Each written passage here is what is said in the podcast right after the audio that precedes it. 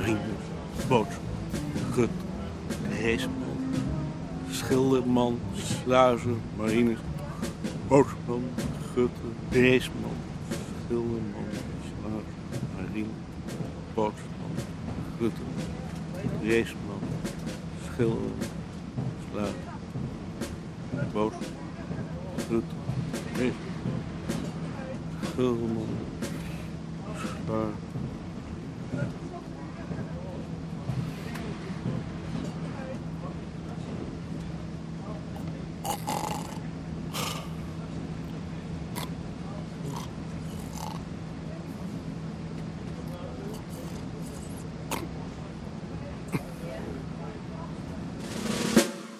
Zo.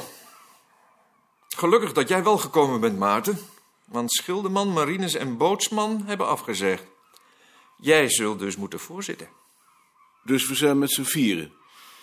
Als Sluizer wel komt, want dat moet je altijd maar afwachten. Kunnen we de vergadering dan niet beter verdagen? Dat zou wel voor de hand liggen als ik niet net vandaag Cor Knol had uitgenodigd voor een praatje. Wie is Cor Knol? Cor Knol is de architect van het Houten Huis. Maar de helft van de huizen is hier toch van hout? Ik bedoel ook de reconstructie. Oh, ja.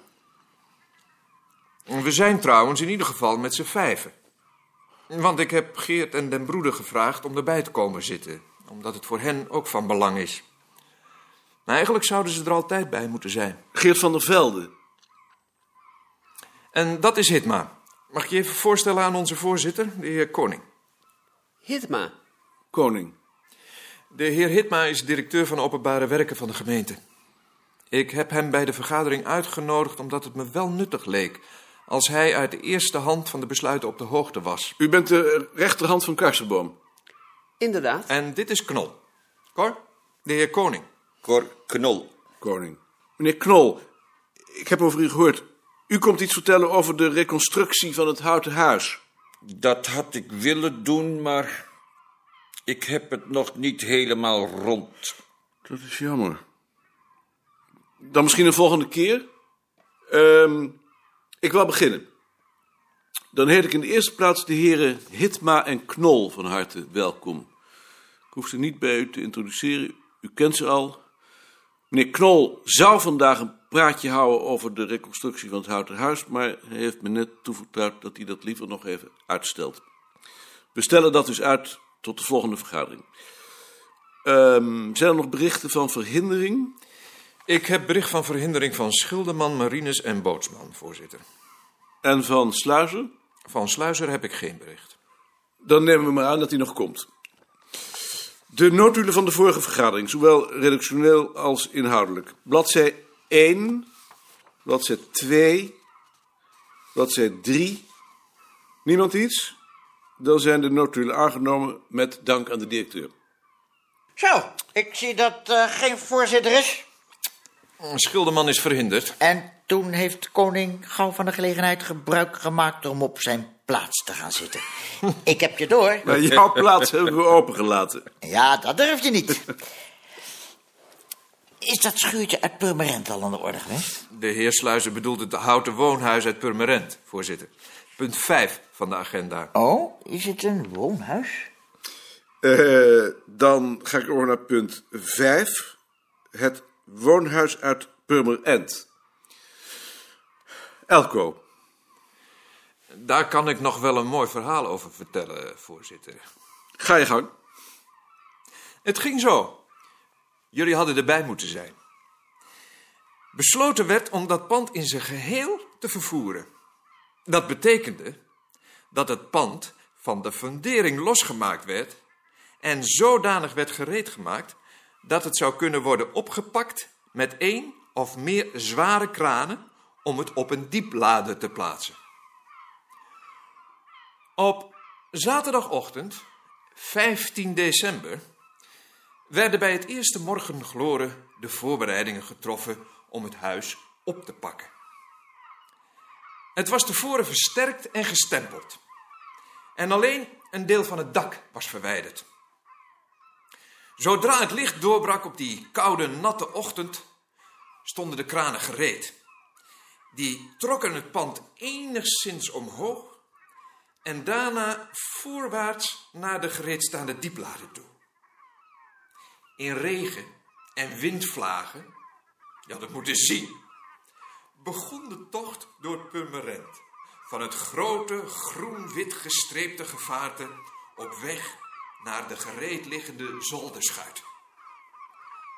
Direct aansluitend vervoer over het IJsselmeer via de Oranjesluizen naar Enkhuizen was door de ongunstige weersomstandigheden niet mogelijk. Daarom bleef het wachten op beter weer.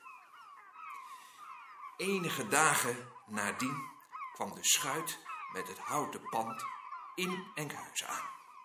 En werd daar ontvangen door een kraan, waarna het op een voorlopige plaats kon worden gedeponeerd. En doordat het pand vrij plotseling eh, voor het museumdorp beschikbaar kwam, was het niet mogelijk geweest tevoren de voorzieningen te treffen voor funderingen. Anders had het direct op zijn bestemde plaats gezet kunnen worden. De tocht door Purmerend had ondanks de slechte weersgesteldheid veel bekijks. Want het brede gebouw kon hier en daar maar nauwelijks allerlei aanwijzingsborden, lampen en boomtakken passeren. Een prachtige vertoning.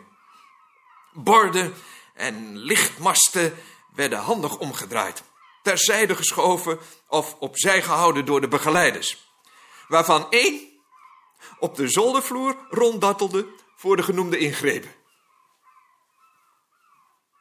Nou, dat was het verhaal. Ja, het is natuurlijk heel aardig om te horen, maar wat ga je er nou mee doen? Ik bedoel, je had er toch ook wel ter plekke sloophout van kunnen maken? Die vraag had ik natuurlijk verwacht, voorzitter. Maar het is de bedoeling dat het een plaats krijgt aan het grachtje naast Zaandijk. Als voorbeeld waarvan? Als voorbeeld van een laat 19e eeuws woonhuis. Oh ja, ik zag op een plaatje, ik geloof in het Noord-Hollands Dagblad, dat er ook ramen in zitten. Heb je geen foto's van? Ja, natuurlijk, voorzitter. Die liggen daar. Wat ik met deze aanwinst vooral heb willen vermijden, voorzitter, is dat we van het grachtje een verzameling monumenten maken. Het moet een gewoon Noord-Hollands grachtje worden, waar je van alles kunt aantreffen. Ik ben er niet bij geweest toen die beslissing genomen werd, maar was dat ook het standpunt van de commissie? Ik heb niet de gelegenheid gehad om de commissie te raadplegen, omdat de beslissing binnen een week genomen moest worden. Dat is dan jammer, want dat had wel een interessante discussie kunnen zijn. Dat kan nog. Het heeft alleen weinig zin meer. Ik vraag me zelfs af wat de zin van de commissie nog is als de directeur met dergelijke voldongen feiten het beleid bij voorbaat vastlegt. Die ruimte moet de directeur hebben. Over tien jaar weet niemand meer wie er in de commissie zat, maar wel wie directeur was. Maar, eh, misschien kun je dit punt in een volgende vergadering nog eens ter discussie stellen. Hm? Dat wil ik graag doen, voorzitter. Dan ga ik over naar punt 6, aangenomen dat niemand over dit punt nog een opmerking heeft. Niemand? Dan ga ik over naar punt 6. De pui uit Hoorn. Elko. Ja, voorzitter. Dat is alweer een heel verhaal, maar ik zal het kort houden. Wij hebben die pui in 1978 gekocht van de toenmalige eigenaar... toen bekend werd dat zijn pand zou worden afgebroken... voor een uitbreiding van de Rabobank. Tegen die afbraak is verzet gekomen van de vereniging Oud-Hoorn. Zij vinden dat die pui in Hoorn moet blijven.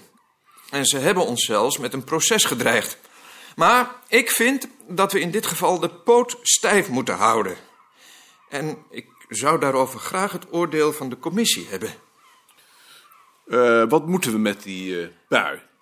Die willen we voor een van de winkeltjes aan het grachtje plaatsen. Ze hebben ons daarover ook al benaderd, maar wij hebben ze doorverwezen naar het museum. Is het die Jugendstil pui voor die apotheek in de Kleine Noord? Die is het. Ik kan me voorstellen dat ze die niet kwijt willen. Maar onze politiek is toch wel dat ieder voorwerp het best op zijn plaats kan blijven? Dat, dat ben ik met u eens, voorzitter. Jawel. Maar in dit geval ligt er een contract met de eigenaar... waarin we ons verbonden hebben om die pui te verwijderen. Hij hoorde niet op zo'n stoel. Hij hoorde op de achtergrond, zwijgend. zodat hij alleen wanneer hij volstrekt zeker was van zijn zaak en pas nadat anderen een standpunt hadden voorbereid, een van zijn scherpe opmerkingen kon plaatsen, die hij dan vaak weer zo inkleedde dat alleen de toon begrepen werd. Hij hoorde er dus helemaal niet. Het was zijn brood, maar het brood dat die boer uit Groningen verdiende had ongetwijfeld beter gesmaakt. Ga jij naar de trein? Jij ook? Dat was wel mijn bedoeling. Dan gaan we samen.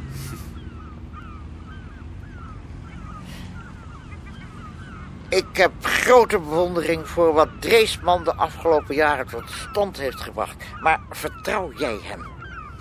Denk je nou heus dat hij dat gesprek met Oud Hoorn zal organiseren? Ik ben bang van niet. Hoe ben jij eigenlijk bevriend geraakt met Kipperman? Je bedoelt of ik ook homo ben en of ik ook fout geweest ben in de oorlog? Jij weet alles, hè? Je houdt het allemaal bij. Ik weet niks.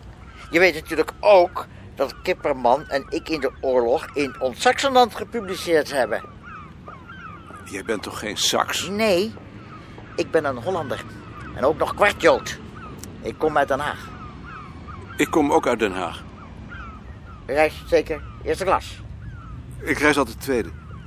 Behalve als het niet anders kan. Maar Kipperman en ik kennen elkaar dus van het gymnasium. Hij was het dikke jongetje dat altijd gepest wordt. En bovendien was zijn vader NSB'er. Zodat hij eruit lag. We zijn bevriend geraakt doordat we op zaterdag allebei op de markt tweedehands boeken kochten. Op de botermarkt. Ja, die ken je natuurlijk. En dat zijn vader NSB'er was, was voor jou geen punt. Ik heb die vader wel ontmoet. Dat was een tiran. Jalling was bang voor hem en toen ik hem leerde kennen, moest hij niks van de NSB hebben. Voor zover ik weet is hij ook nooit lid geworden. En hoe is hij dan bij ons Saxeland gekomen? Dat was toen hij in Groningen was gaan studeren. Ik weet niet of je dat hebt opgemerkt, maar Challing is een heel intelligente jongen. Hij omgeeft zich alleen altijd met tweede en derde rangs mensen omdat hij graag ergens bij wil horen en dan meteen ook de leider wil zijn.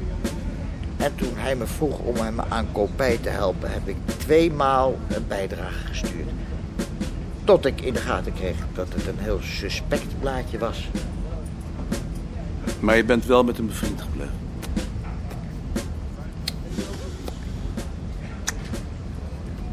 Dat komt omdat ik hem altijd zielig heb gevonden. Dat ken jij niet, hè, koning? Dat je iemand zielig vindt? Dat zegt jou niks. Jij bent daar keihard in. Ik weet niet of ik dat niet heb.